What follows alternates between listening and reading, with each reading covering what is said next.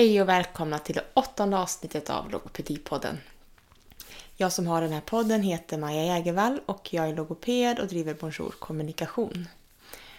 Idag ska vi träffa Kajsa Lam som är logoped och specialiserad inom ätsvårigheter hos barn. Så varsågoda, här kommer avsnitt 8.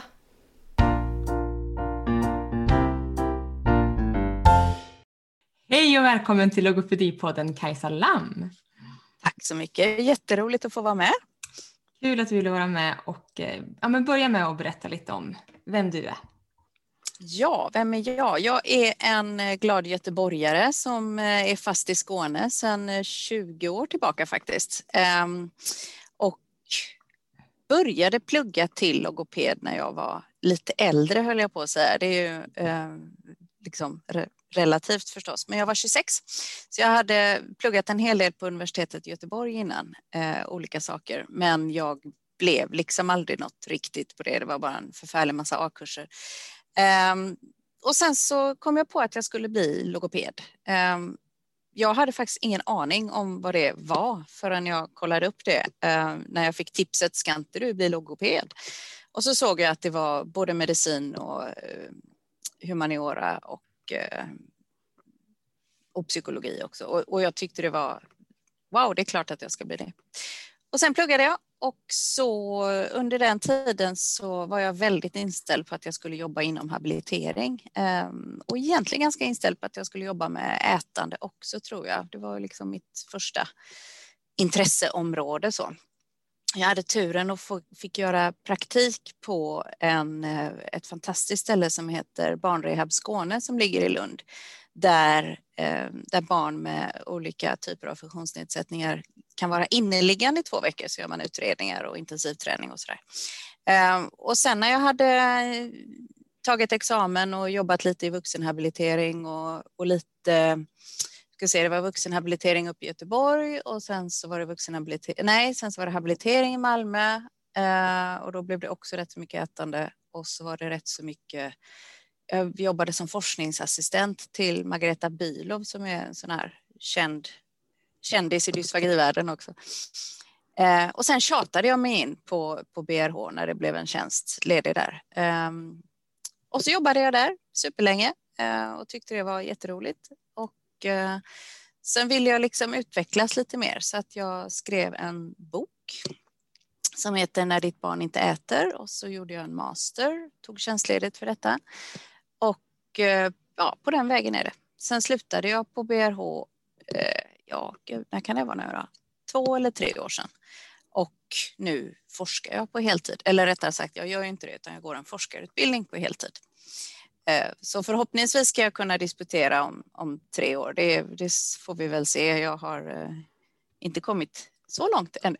Men, eh, så det är vad jag sysslar med numera. Så jag har skrivit ett par böcker till under den tiden. Också. Spännande. Och du har eget företag också? Jag har också eget företag mm. som jag haft som bisyssla sedan jag skrev den där första boken. För det som hände efter den boken var ju att jag fick, den kom ut i juni 2000 2015 och i augusti 2015 så fick jag eh, vara med på morgonsoffan i TV4 eh, och det var så att då var det en gäst som inte kom så att jag fick plötsligt 20 minuters liksom primetime tv-tid där, eh, vilket var jätteroligt. Och det bara fullkomligt välde in frågor. Alltså jag tror de fick så 20 printade A4-sidor med, med e-mailfrågor från liksom föräldrar som hjälp, här är någon som förstår vad vi pratar om. Um, och efter det programmet så fick jag också jättemycket ja, men privata förfrågningar. Så att då var det ju bara att fixa sig en hemsida och börja ta emot patienter och börja föreläsa. Liksom. Sen var jag tillbaks på TV4 rätt mycket den hösten, tror jag att det var. Um, och de, ja, de tyckte det var liksom ett, ett, ett, ett nytt och bra ämne tror jag. Um, och så lite radio och massa mm. andra. Så planen var egentligen inte att bli egenföretagare på det sättet? Alltså plan och plan. Eh, jag vet inte om jag har haft så mycket plan i mitt liv. Jag har nog mer haft mål att det här skulle jag vilja åstadkomma och, och hjälpa till med. Ehm, jag såg ju liksom när jag jobbade på BRH att här finns ett jättestort behov av hjälp för de här barnen som på den tiden så kallades de barn som kan men inte vill äta i mm. vårt team där. Eh, och det är ju inte riktigt sant för de kan ju faktiskt inte äta men det tog ju tid innan, innan vi liksom begrep det. Ehm, men jag, jag upptäckte ju att här finns ju en vansinnig massa sådana ungar som inte får hjälp. Ehm, och när jag hade skrivit boken så insåg jag ju det ännu mer att oj, oj, oj, oj, oj. Det, det liksom bara svällade över alla bredder. De där. Ehm, så jag fick ju otroligt mycket mejl och samtal och grejer. Ehm, så först la jag ju enormt mycket tid på att liksom besvara de här mejlen och samtalen ehm, utan att ta betalt. Eh, och det gör jag fortfarande i och för sig rätt mycket. Men sen så insåg jag att ska jag göra utredningar och ha behandling så måste jag ju faktiskt ta lite betalt. Så då fick det ju bli företag och så fick det bli ja, jag föreläste en hel del också mm. under den tiden. Så det, ja, det var roligt. Ja. Det är roligt, jätteroligt. Och det här ämnet, just barn med, med olika ätsvårigheter, eh, är ju din mm. specialitet och det är det vi ska prata lite mer om idag också. Just det. Och sådär. Um, ja, alltså det är ju ett nytt, relativt nytt ämne tänker jag i, som logopedvärlden. Jag tror inte att vi läste, jag gick ut för ja, snart åtta år sedan tror inte vi läste jättemycket, inte vad jag kommer ihåg i alla fall, just barndelen. Det kanske var lite på habiliteringskursen och sådär.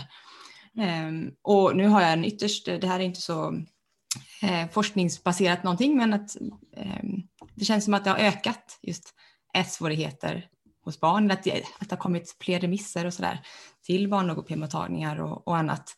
Ehm, vad, jag, vad jag har hört eller så. Eh, om det är kanske just för att föräldrar har fått fått vetskap om att man kan få hjälp eller om det är att det blivit mer, det vet inte jag, det kanske du vet mer. Men... Jag tror att det är både och. Alltså, vi vet ju eh, vi vet att det ökar. Det, det har jag liksom, eh, det ser vi ju eh, på remissinflöde och, och alltihopa. Eh, det ökar också i, med tanke på vi har vi helt, så här är det, vi räddar ju fler barn nu för tiden eh, också. Mm. Och vi upptäcker, vi är bättre på att upptäcka barn med ätsvårigheter ehm, kan man väl säga. Ehm, att, att liksom ätsvårigheterna finns i många olika ehm, vad ska man säga, men de kommer i många olika skepnader och i många olika diagnoser. Och vi har också blivit duktigare på att liksom se att ah, krångel med ätandet kan vara något av de första tecknen på, på andra svårigheter. Liksom. Jag har föreläst en hel del för BVC eh, sjuksköterskor, både, både i Skåne men på andra ställen i landet i, i regi av olika företag som har hört in mig som liksom sådär lite pausfågel eller mm. lockbete kan man säga. De vill presentera sin, sin ersättning eller någonting och så måste de locka med någonting och då får jag komma och prata i en och en halv timme för, för BVC-sjuksköterskor och de är ju de säger nästan alltid åh det här var så nyttigt, det här kan vi alldeles för lite om. Och har man pratat med några eh, hundra föräldrar om vilken hjälp de har fått på BVC eller inte fått så tidigt så, så kan man väl säga att ja, det, det kanske stämmer. Nu sticker jag ut hakan lite, men det får man mm. göra ibland. Men jag skulle vilja säga att ja, ämnet ätsvårigheter hos barn eh, är väl, vad ska man säga, det är lite man kan säga att det är nytt i Sverige eller nyare i Sverige. Men om man tittar på hur det har behandlats främst i USA, tänker jag, eller det är åtminstone mest det, det är det landet jag följer mest i det här. Jag tycker de ligger väldigt långt fram. Ehm, så är det inte så nytt, men där ser ju också sjukvårdssystemet lite annorlunda ut. Så att ehm, absolut, det är ju skillnad. Mm. Men, men visst är det så att det är, det är lite nytt i Sverige och våra ut, jag är inte superinsatt i hur mycket utbildningarna tar upp det här idag. Mm. Men när jag tog examen så ringde jag till eh, Margareta Bilov i Malmö och sa hjälp mig, jag ska, jag ska bli habiliteringslogoped, hade jag ju bestämt mig för. Jag kan ingenting om dysfagi, hjälp liksom. Eh, och då fick jag komma till henne och göra en extra praktikvecka och stå på röntgen och titta. Eh, och då var det ju liksom bara vuxendysfagi utifrån eh, de patienterna som fanns där. Men det gav ju ändå en, en, en grund liksom. Mm. Sen så var det ju liksom inom habiliteringen jag lärde mig väldigt, väldigt mycket. Och det var ju först dysfagi och sen började det trilla över på de barnen som kunde svälja men som ändå inte kunde äta. Liksom. Mm. och det är väl så kanske många har gått den vägen medan det nu då börjar trilla in på de vanliga logopedmottagningarna också. Mm. Och det finns en organisation som jag gärna vill um, vill eh, propagera för som heter Feeding Matters i USA som är en från början en familje eh, eller en föräldraorganisation men som har lyckats bli eh, med hårt arbete har de blivit en, en väldigt stor organisation som har knutit till sig de absolut skickligaste forskarna och, och utvecklarna kan man väl säga på det här området. Och där säger de så här att en, en logoped kan bli en feeding therapist eller ätterapeut då, efter, efter mycket träning därför att det här är absolut högspecialiserad vård. Det är ingenting man, man ska förväntas kunna när man kommer direkt från en grundutbildning utan det här är, det här är svårt. Liksom. Men det är klart att mm. utbildningarna måste, måste ta upp det ändå. Det, mm. det får man ju säga. Um, jag tänker på det här med just när man är ny logoped och vad, förutom att söka sig till de amerikanska källorna och sådär, hur, hur får man reda på, på mer kring, kring ämnet och hur ska man jobba med när man träffar de här patienterna för första gången? Ja, eh, jag vet tre böcker man skulle kunna läsa. Ja, Nej, jag skojar. Ja. Eh, men alltså för det första så ska man ju ha handledning tycker jag. Eh, och, och, kommer man som ny, ny och nyexad logoped eller ny inom ämnet oavsett så ska man ju ha en diskussion med sin chef om att de här patienterna finns. Det är ingenting som vi har särskilt mycket av i vår grundutbildning. Och det är ju också så att det här är ett område där man inte med mening naturligtvis, men man kan ju faktiskt göra skada. Eh, så man ska vara rätt så hellre att man är för försiktig i början tycker jag än, än att man än att man gör fel. Eh, med det sagt så ska man ju inte heller vänta och se. Det här är ju absolut ett område där tidiga insatser är jätteviktiga.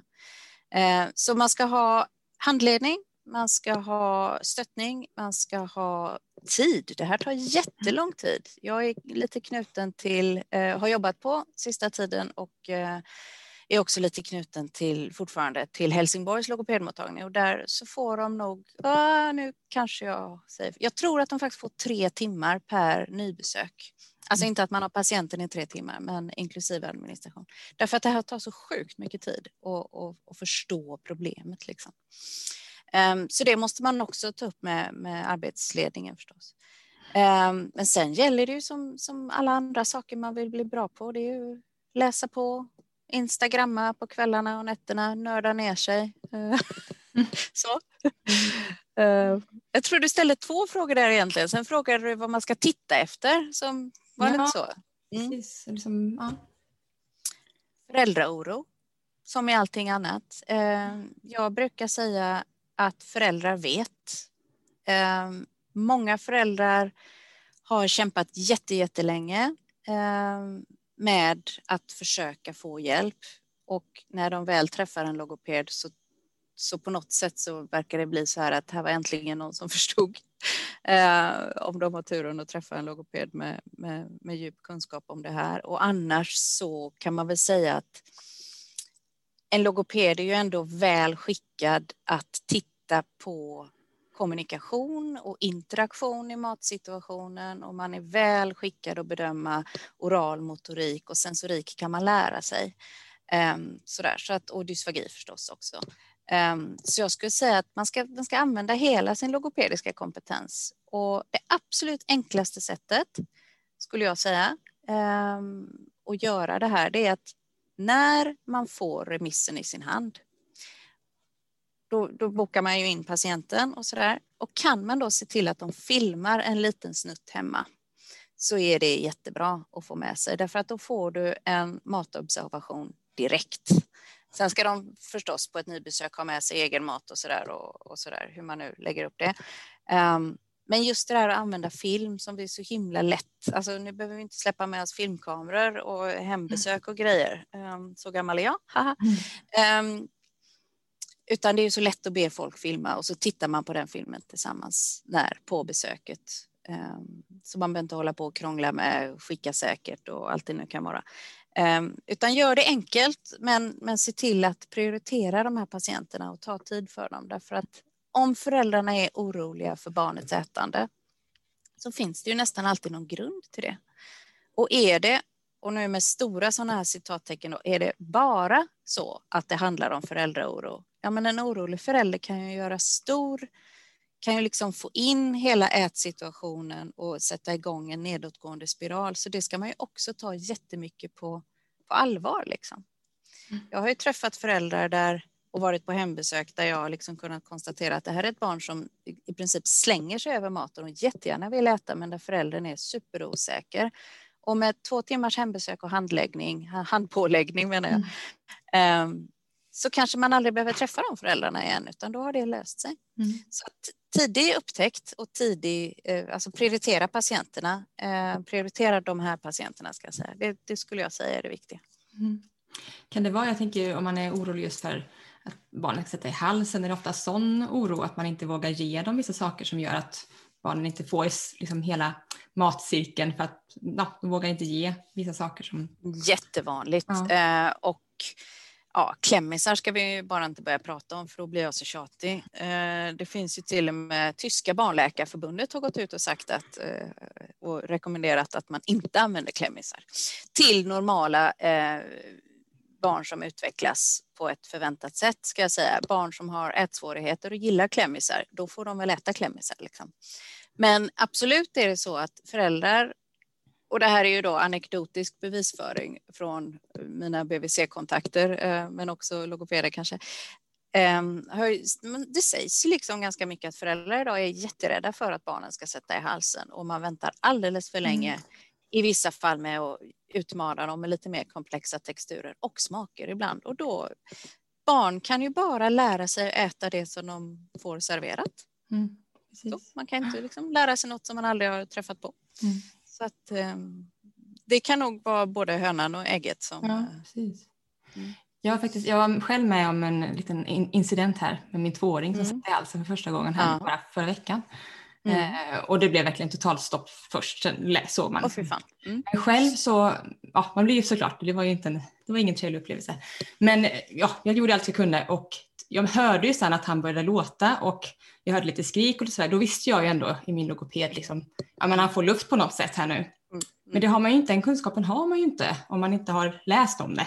Nej. Så jag visste att det är på gång nu, det, det kommer lossa, kände jag ändå. Mm. Um, men ja, som sagt, den får man ju inte på något annat Nej. sätt. Och det, det, är ingen som säger det till en heller. Det var inget jag visste innan. Att just då, om, om man kan låta så här, om stämbanden kan, alltså då, han har luft, för det kommer ju Precis. ljud. Mm. Mm. Eh.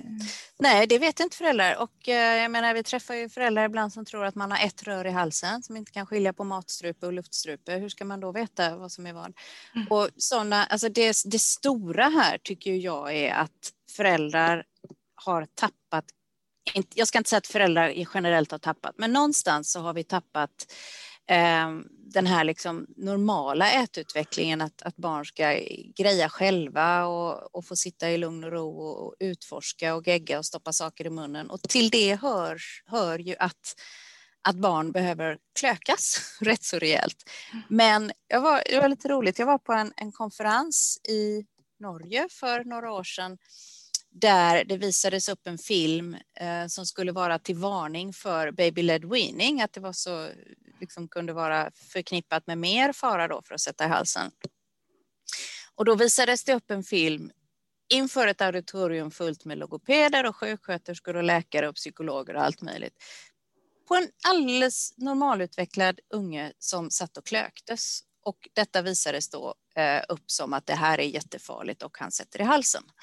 Det gjorde ju inte barnet utan han mm. klöktes därför att det kom lite för långt bak men barnet hanterade det jättebra. Och det, det där är svårt för många föräldrar. De tror att en klökning är att sätta i halsen och få ett mm. luftvägsstopp.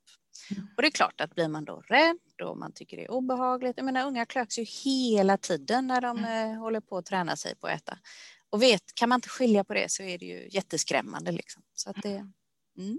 Mm undrar hur mycket BVC pratar om det. Ja, det, inte så mycket förmodligen. Kanske inte jättemycket, vi får väl se. Ja. Eh, eller att man inte har den, när man pratar om det, att man inte har den bakgrunden för att kunna förklara hur, hur det fungerar. Nej, och vi kan inte liksom på något sätt kräva att alla ska vara uh, utbildade inom uh, halsens anatomi för att, för att få barn. Men, men någonstans, om man tittar i de här vanliga eh, barnutvecklingsböckerna eller broschyrerna från BVC så står det inte jättemycket om vad en klökning är till exempel. Mm. Så det är klart att eh, ja, jag hoppas ju att jag har kunnat bidra lite till det. Vi skrev en mm. bok om, som heter Stora boken om barn och mat och där har jag ju med hjälp av många logopedkollegor som också har korrekturläst eller faktagranskat det där eh, så har vi fått in en hel del om just normal oralmotorisk utveckling och vad en klökning är. Att, att man liksom inte behöver vara så himla rädd för det. Mm. Om man skulle gå över lite på eh, autism selektivt ätande, om man ska säga. Eh, mm. Och det här just att välja eh, att bara vilja, bara vilja eller kunna eller så äta vissa konsistenser. Eller, där är ju jag just nu, jag är ny, relativt ny habiliteringslogoped, har bakgrund som vuxen dysfagi mycket som flera år. Och nu så träffar jag barn med autism endast för det mesta. Så. Mm. Eh, och dels just att prata lite om det här med prioritering, att jag märker ju att skulle jag prioritera de här barnen, alla de här, då hade ju vi behövt vara några till om man säger så på vår mm. habilitering. Eh, där det går inte just, just nu att liksom ta in eh, så. Men de här, jag tänker, är det någon skillnad, det kanske inte är, någon skillnad mellan att ar arbeta med dem när man har just en autismdiagnos eller när man bara, nu säger jag citattecken, mm. eh, har svårighet att äta på något sätt? Alltså jag tycker så här, man ska se vad som är bakgrunden till ätsvårigheterna. Eh, om vi tänker oss att mat när, man äter, när vi äter eh, en vanlig måltid så gör vi ju så otroligt många komplexa saker samtidigt. Vi, vi skannar av och, och känner efter eh, med våra sensoriska förmågor väldigt mycket om textur, temperatur, smak, doft, jättemycket. Vår proprioception jobbar, hur mycket ledtryck behöver vi använda? Vi använder oss av vår Eh, interoception, alltså vår förmåga att känna igen signaler inifrån den egna kroppen. Är vi hungriga? Är vi mätta? Vad är vi? Vad har många barn med autism svårt för? Jo, att sammanställa sensoriska intryck. Är de, kan de vara lite känsliga för olika sensoriska intryck? Ja, ganska många.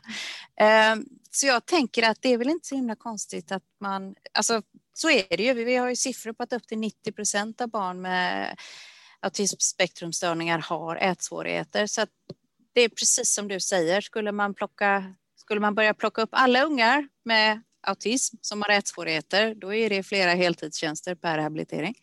Eh, gissar jag nu lite sådär generellt raljerande. Men alltså, man får titta väldigt mycket på jag tycker det är superviktigt att göra en jättenoggrann utredning och där är ju en kostregistrering jätte, jätteviktig. Och det är inte bara en kostregistrering där man då tillsammans med dietist tittar på hur mycket barnet får i sig av eh, energi och näring, utan vad vi tittar på då som logopeder är ju vad äter de? Eh, vilka konsistenser väljer de? Vilka texturer väljer eller vilka temperaturer väljer de? Vilka smaker väljer de och allt det där.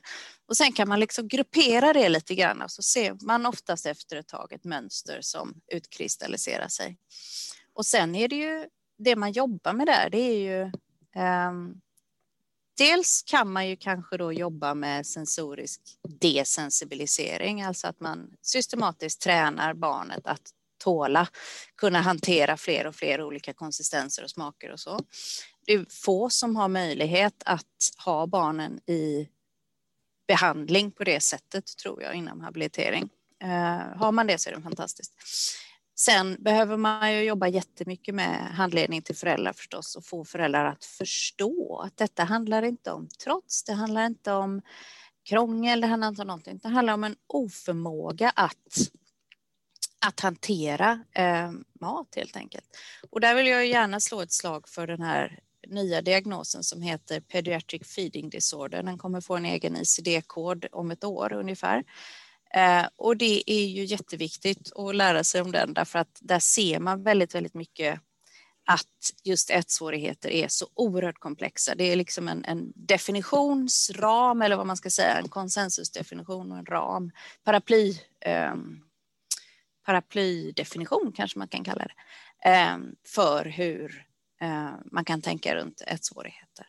Eh, och det är klart att har man svårigheter med sin ätförmåga, det vi på engelska kallar för feeding skills, alltså att känna igen textur, att, att kunna hantera smaker och sådär, ja men då är det svårt att, att äta annat än det som, som, som kroppen är jättevan vid så att säga. Och så lägger du på en, ett visst mått av rigiditet och eh, inflexibilitet så är det klart att ja, då blir ätandet en, en stor komplex sak som du dessutom måste göra flera gånger per dag.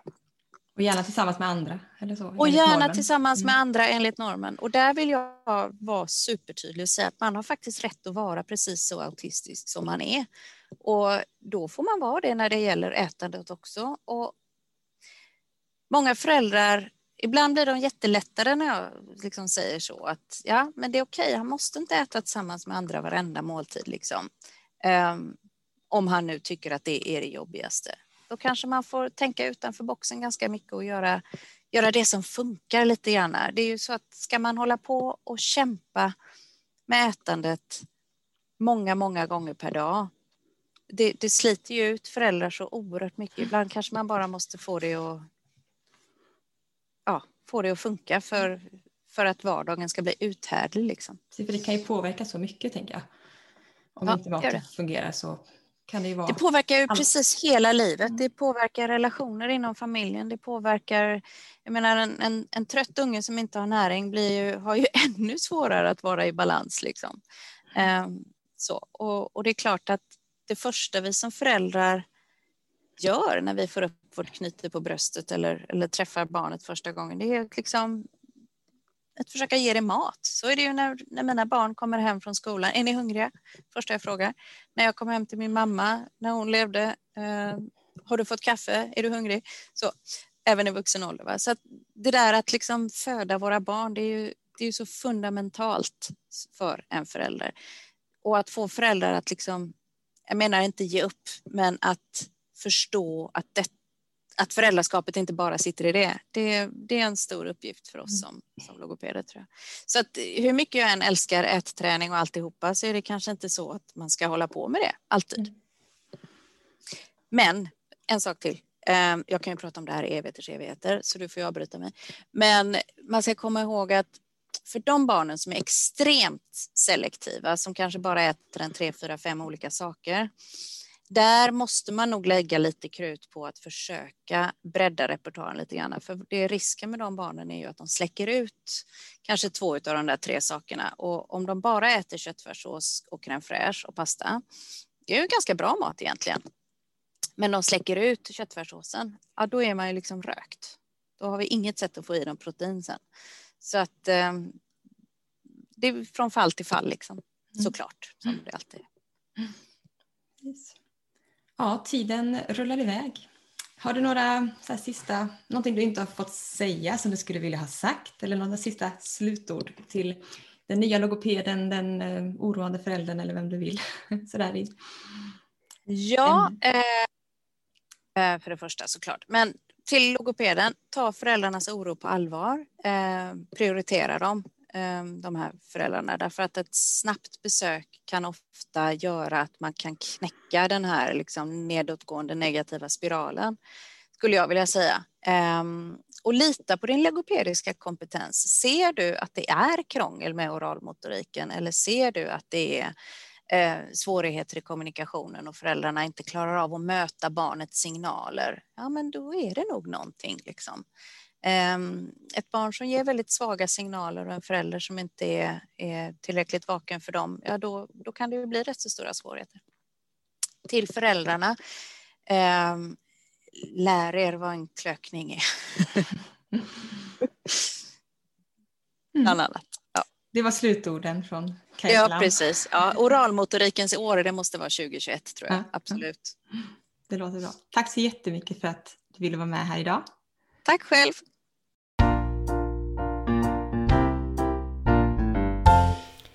Så, det var avsnittet med Kajsa Lam.